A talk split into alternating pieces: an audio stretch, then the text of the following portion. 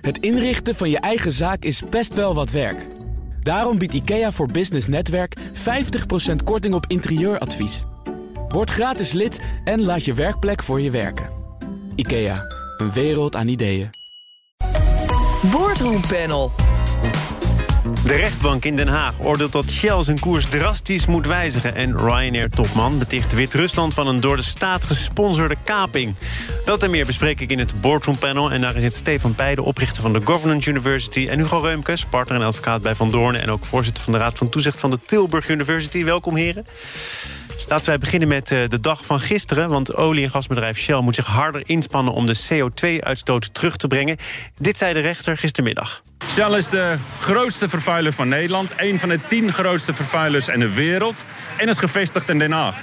Uh, als wij Shell in beweging krijgen, is dat een revolutionair en belangrijk stap in de strijd tegen klimaatverandering. Het huidige en voorgenomen concernbeleid van Royal Dutch Shell is naar de mening van de eisende partijen buitengewoon gevaarzettend en desastreus. Pardon, dit was niet de rechter, maar de directeur van Milieudefensie en de advocaat die namens Milieudefensie sprak. Inmiddels is duidelijk dat de rechter meegaat in het verhaal van Milieudefensie en dat Shell moet reduceren met 45 procent. Stefan, wat vind je daarvan? Nou, ik vind het eigenlijk wel uh, mooi, want uh, de rechter die, uh, heeft zich heel breed durven uitspreken. De, hoe, hoe hij zich dat permitteert, dat kan denk Hugo veel beter vertellen. Maar als ik gewoon kijk als krantenlezer en als governance eh, professionals, dan denk ik, nou, de uitstoot van Shell is wel zodanig dat een stevig target wel beter is dan het wat vagere beleid, zeg maar, die Shell tot nu toe ja, had. Ze leggen zichzelf te weinig op? Ja, want ze hadden 20 procent, geloof ik, uh, uit mijn hoofd gezegd, tot 2030 uh, willen reduceren. En 45 procent betekent toch wel echt even dat het, nou ja, figuurlijk gezegd, het gas erop moet. Volgens mij zegt Shell letterlijk in line with society. Ja. Dat is hun zin die ze daarvoor gebruiken. En nu blijkt dat dat onvoldoende is. Moet Shell voor de troepen uitlopen? Ja, uh, ik vind van wel. En Shell die uh, uh, vindt ook in, dat ze niet echt aan het klimaat... ja, we moeten natuurlijk wel aan het klimaatverdrag voldoen... maar het is geen, geen land... maar ze hebben wel de impact van een land. als je kijkt naar hun uitstoot, wat is 3% of zo, las ik van de wereldwijde uitstoot. Ik denk, nou, dat is nogal wat. En ze, ze werken ook wel veel met semantische uh, aspecten, vind ik, in hun beleid. Waardoor je dus zegt, ja, CO2-uitstoot, dat kun je op verschillende manieren uitleggen, bla bla bla. Ja, en dan kun je zeggen, dan, dan lopen we wel in lijn. Ja, dat, dat kun je wel zo opschrijven. Hugo, er wordt verwachtingsvol naar jou gekeken, want jij kunt dit nog weer beter duiden. Nou ja, ik dacht gisteren wel, uh, het is toch een prachtig vak wat ik heb. Uh, dat je gewoon iedere keer in het recht weer nieuwe dingen tegenkomt. We kenden de Urgenda-zaak, wat al baanbrekend was. En dat we nu deze uitspraak hebben, dat is echt wel bijzonder. Uh, wat ook wel interessant is, is dat de rechter bijna een zetel neemt in de boardroom. Hè. De, uh, hij vindt eigenlijk dat het beleid van Shell strakker moet.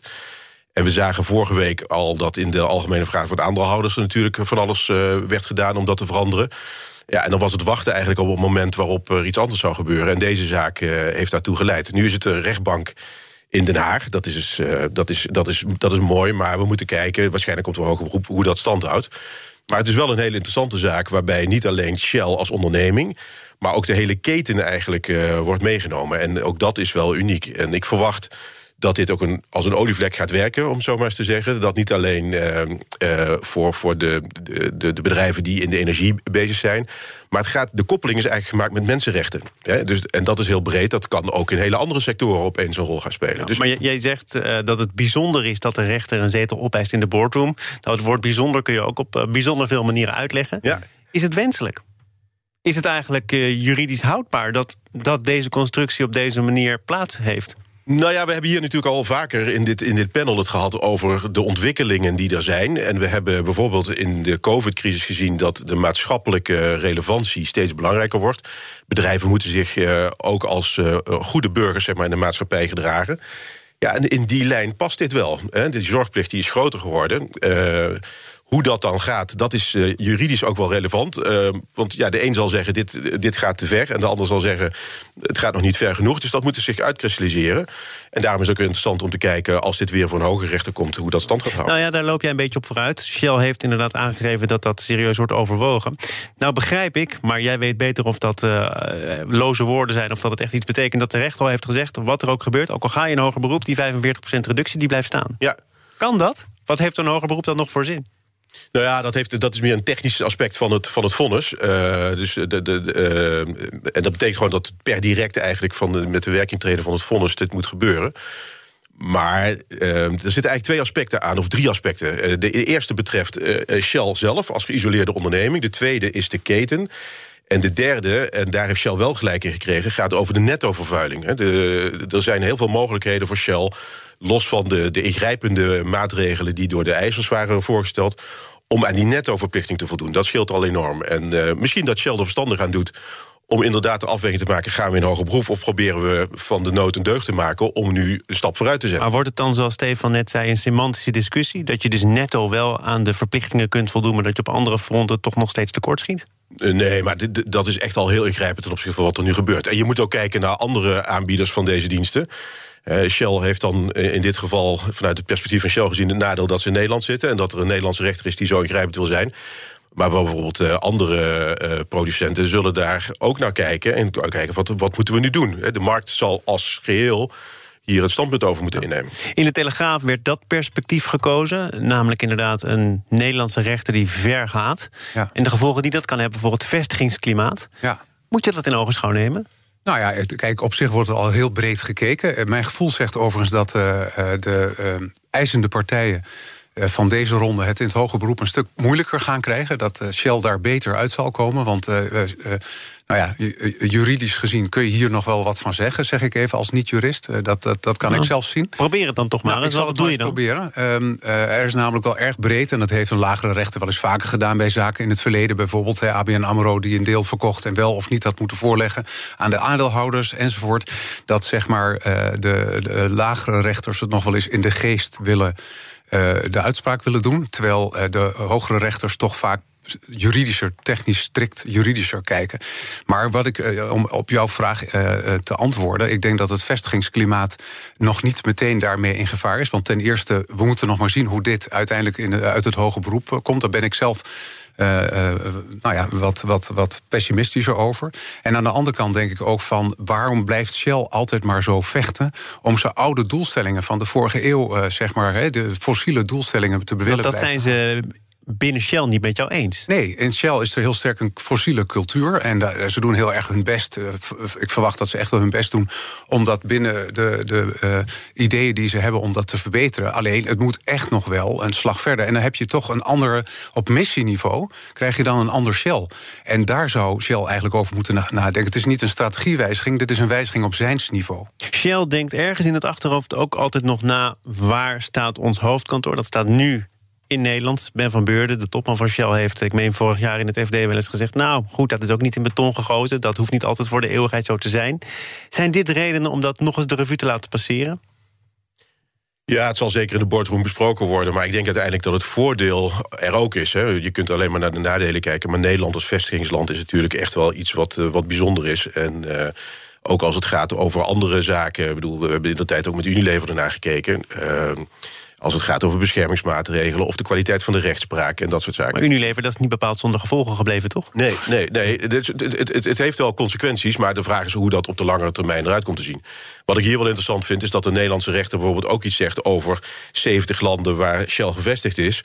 Dat daar ook iets moet gebeuren, terwijl die landen zelf die normen nog niet hanteren. Ja, Shell staat nu op zich en moet dus ook zelf voldoen aan die reductiedoelstellingen. Heeft niks meer te maken met de omgeving of de landen waar het actief is.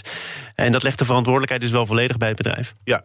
Ja, ik, ben, ik wijk iets af van wat Stefan uh, daarover zegt. Ik, ik vind dat Shell echt al uh, verandering laat zien. Hè. Dus, ten opzichte van andere olieproducerende bedrijven is Shell echt wel goed bezig, zoals het dan heet.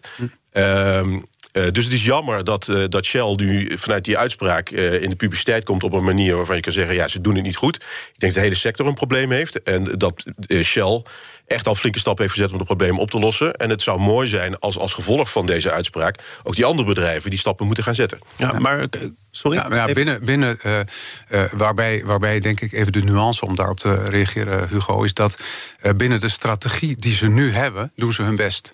En wat ik eigenlijk zeg is, Shell die zou de verantwoordelijkheid moeten pakken als wereldspeler om wereldwijd en zeker Europees de leider te moeten zijn in de energietransitie. Sommige organisaties die kleiner zijn, zoals Tenet, eh, daar, eh, die pakken die rol gewoon. En Shell kan dat ook doen. Misschien zeg je daar wel een waar woord, namelijk dat bedrijven die wat kleiner zijn ook wat sneller kunnen transformeren.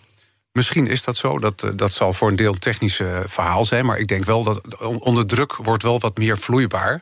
En ik denk dat dat dus, dat dus consequenties heeft voor de uh, voor de strategie zou moeten hebben voor de strategie van. Een van de verdedigingslijnen van Shell is overigens: als wij het niet doen, als wij olie en gas in de grond laten zitten, dan wordt het door andere partijen, andere landen eh, vanzelfsprekend toch wel uit de grond gehaald. Rusland, Saoedi-Arabië. Ja. Hebben ze daar niet gewoon gelijk in? Nou, ik denk op korte termijn uh, uh, hebben ze daar gelijk in. En op lange termijn niet.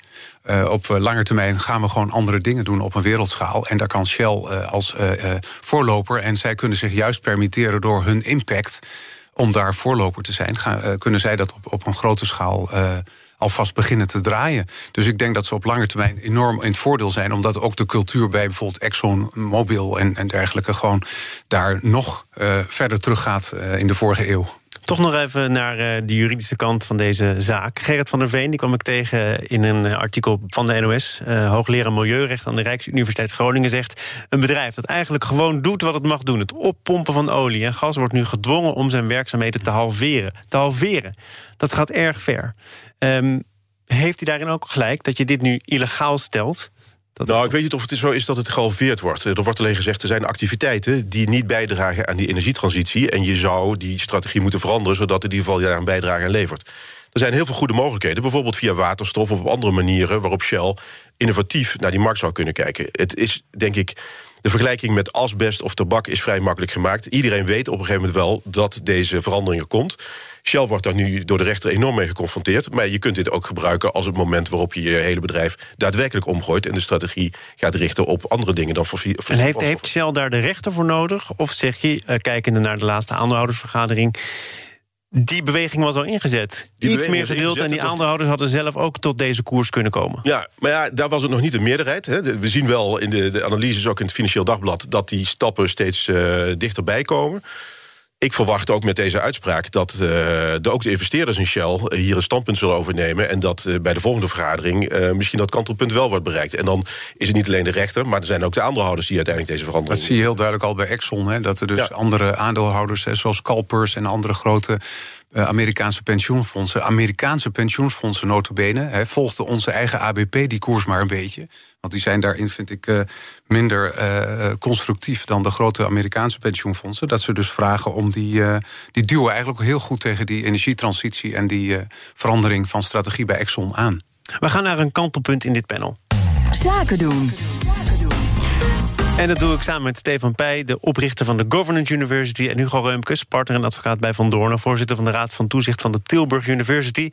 Ryanair-topman Michael O'Leary noemde de actie van de Wit-Russische luchtmacht... Eh, die zondag een van zijn vliegtuigen dwong in Minsk te landen... om een journalist te arresteren, een door de staat gesponsorde kaping. Het is een situatie die ervoor zorgt dat je aan de buis gekluisterd blijft. Dat speelt hij nu precies. Hoe hebben jullie het gevolgd? Nou, ik vond het vooral opvallend uh, om uh, de gesprekken uit de cockpit uh, te kunnen horen. waar blijkt dat de piloten echt wel goed hebben gehandeld en, en adequate vragen hebben gesteld. Maar dat, uh, dat men eigenlijk ook niet op goed was voorbereid. Uh, ik kan me voorstellen als CEO van het bedrijf... dat je dan toch in eerste plaats uh, ook je eigen cabinepersoneel... en piloten bedankt en benadrukt dat het goed is gegaan. En voor de overige denk ik toch dat je het vooral moet overlaten aan de autoriteiten. Daar kun je als private partij denk ik niet al te veel aan doen. Het enige wat je wel kunt doen is nadenken over je reactie. De eerste reactie van Ryanair die was tamelijk bescheiden persbericht met excuses voor de vertraging, met name.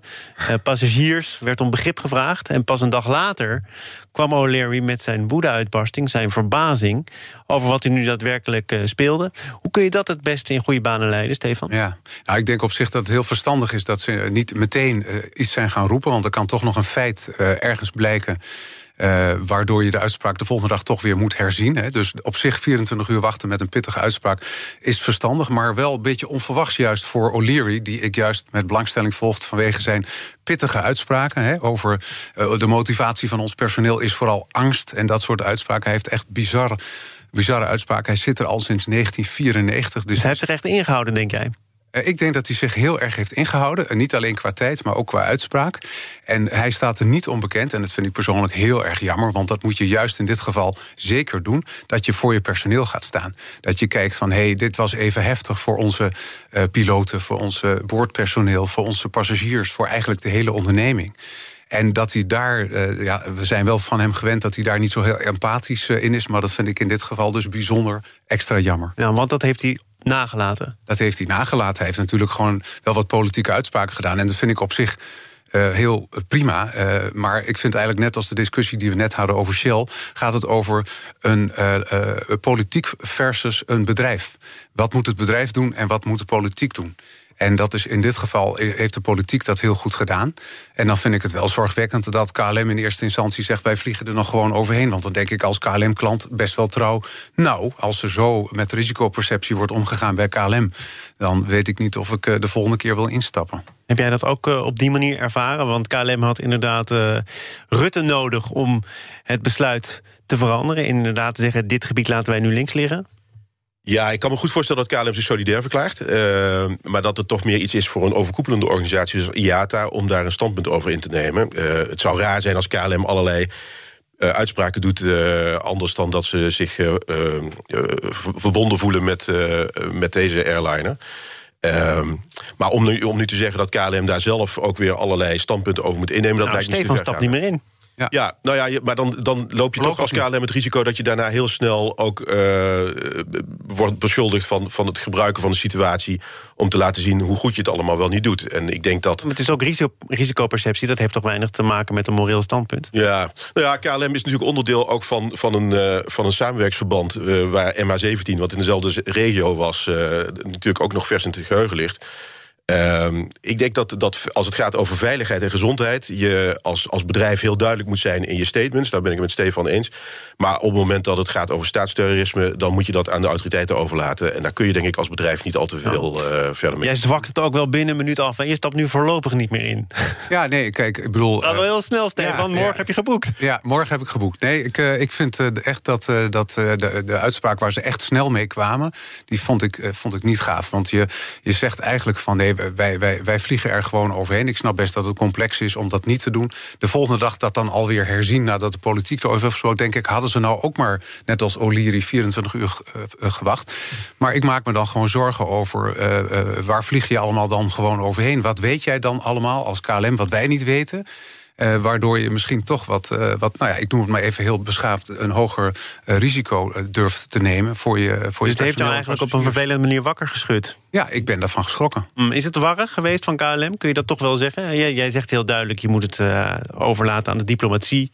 Het heeft niet zoveel zin om heel erg voor de muziek uit te lopen, maar toch? Nou ja, ik kan me voorstellen dat in samenwerkingen waar KLM ook onderdeel van uitmaakt, dat je wel uh, vragen gaat stellen: hoe gaan we hier nou mee om? Hè? Dat, uh, dat een vliegtuig en alle passagiers daar zitten eigenlijk worden gekaapt onder valse voorwenselen om, om iemand gevangen te nemen. Ehm, ja, dat, dat, dat, dat, dat is een, een schending van, van ook het vrije verkeer, wat we hebben afgesproken in de luchtvaart. En ja, daar moet je wel iets mee. En de veiligheid uh, staat wat mij betreft altijd bovenaan. Uh, dus dat geldt ook voor KLM. Maar dat zal voor iedere airliner gaan. In algemenere zin, nu gaat het over luchtvaartmaatschappijen... komt het wel eens voor dat je ongewild een rol gaat spelen in een politiek conflict. Uh, betekent dat dan eigenlijk wat hier gebeurt... is dat je even op je handen gaat zitten, weinig doet... en het maar moet afwachten? Of kun je als bedrijf toch nog proactief een opstelling kiezen? Nou, dat, laatste. Alleen de vraag is in hoeverre je dat in de publiciteit laat zien. Uh, ik denk dat de, de banden tussen de meeste Nederlandse ondernemers... die internationaal actief zijn en, uh, en de overheid, dat die heel goed zijn. We kennen nog de tijd dat, uh, dat de Nederlandse koopvaardijschepen... werden aangevallen bijvoorbeeld in het Midden-Oosten... en dat Defensie daar werd gevraagd om te helpen. Nou, dan ben je ook heel snel een onderdeel van het, van, van het conflict. Zeker als je zelf zeg maar militairen aan boord laat. Uh, dus ja, dat, dat vergt een nauwe afstemming. En ik kan me voorstellen dat een private onderneming dan zegt... ja, uh, wij, wij zullen voor onze mensen staan. We staan voor onze veiligheid en de gezondheid van, van iedereen. Maar als het zeg maar, op landniveau gaat, dan laten we toch een autoriteit erover. Nou, even een uitstapje buiten de luchtvaart. Maar we zijn snel weer terug, hoor. Want uh, gisteren werd ook bekend dat de topman van Air France KLM... zijn bonus krijgt. weliswaar via een ingewikkelde constructie... Of moet ik zeggen, zoals Alexander Hammelburg, Kamerlid voor D66 op BNR zei... via een slim foefje. Ik zeg ontzettend slim gespeeld. De Europese Unie heeft hele duidelijke regels over staatssteun en bonussen in coronatijd uh, ontwikkeld. En daar staat gewoon heel, heel helder in: geen staatssteun uh, als je bonus uitkeert of andersom. En Air France lijkt hier nu toch, Air France KLM lijkt hier nu toch een hele slimme foef te hebben gevonden. Die zeggen: ja, wij geven die bonus niet nu dit jaar. Maar pas als de staatssteun is afgebouwd, over een paar jaar, doen we het met terugwerkende kracht. Ja, ik, ik noem dat een foefje. Wat hier dus gebeurt is, hij krijgt zijn bonus volgend jaar. Hij moet bepaalde doelstellingen realiseren. En driekwart van de staatssteun moet zijn terugbetaald. Is dat inderdaad slim gespeeld? Of is het het nakomen van een afspraak? Want Oh, de ja. bedoeling was dat hij een bonus zou krijgen. En die krijgt hij dus ook. Ja, ik vind hem heel interessant, want ik denk slim gespeeld. Dat moet ik dan nog maar zien, want de kans dat het kan worden uitgekeerd is wel heel klein. Als je eist dat over drie jaar 75% van de staatssteun is terugbetaald, dan lijkt me dat onmogelijk als je een beetje in, in, in oogschouw neemt hoe langzaam het vliegverkeer weer op gang zou komen, als het eh, zal komen, als het überhaupt weer helemaal op gang komt. Eh, dus dat ze de cashflow eh, gaan hebben om dat terug te betalen is erg klein. Die kans is erg klein. Dus, de- Dus de bonus van Ben Smith staat hier stevig ter discussie. ja, ik denk eigenlijk dat het meer een soort. eh, eh, het moet een ander soort statement zijn dan, eh, dan dit. Hugo, acht jij Ben Smith en de zijne in staat om dit allemaal voor elkaar te krijgen... en zo ja, ook je een gaat iets bonus... van mij horen wat je misschien niet gewend bent. Maar ik vind hier echt wel dat, eh, dat sprake is van nood breekt wet. Hè? Dus eh, we hebben Koolmees horen zeggen... we gaan steunmaatregelen in het leven roepen... en we accepteren dat daar eh, gaten in zitten. Eh, als je de reactie dan is, we gaan de gaten eh, opzoeken... om uiteindelijk een bonus te kunnen uitkeren... dan heb je volgens mij niet begrepen eh, onder welke voorwaarden je die steun accepteert. Hè? Door de steun te accepteren denk ik ook dat je... die, die, die steun die heeft een soort morele achtergrond... Dan moet je daar niet met juridische spitsvondigheden op reageren. Ik denk dat dat echt een verkeerde keuze is. En ik verwacht eigenlijk dat uiteindelijk KLM dit ook niet in stand kan houden. Maar nu schets jij de situatie alsof het concern, de top van Air France, KLM... iets te maken denkt te hebben met Wouter Koolmees. En misschien valt dat allemaal wel te bezien... want het Nederlandse belang in Air France KLM is natuurlijk ook verwaterd. Dat bleek ook gisteren wel, eh, dat het echt met een overweldigende meerderheid is aangenomen. Ook het eh, bonussenbeleid van Air France KLM. Eh, als je als Nederland accepteert dat je belang verwatert in Air France KLM... dus dat je steeds minder te zeggen hebt, dan hoort dit er misschien bij. Ja, en ik denk dat dat ook de tragiek is voor onze minister van Financiën. De KLM is natuurlijk eigenlijk helemaal geen onder Nederlandse onderneming meer. Het is gewoon een, een Franse onderneming. Eh, waar het om ging is dat de Nederlandse werkgelegenheid eh, gewaarborgd moest blijven. En daar zijn die investeringen voor gedaan onder die COVID-maatregelen. En zowel in Nederland als in Frankrijk gelden daar beperkingen. Dus door het te accepteren, door die steun te aanvaarden... moet je denk ik ook aan de, aan de morele kant van die, van, die, eh, van die steun houden. En als je dat niet doet, dan heb je echt iets uit te leggen. Ja.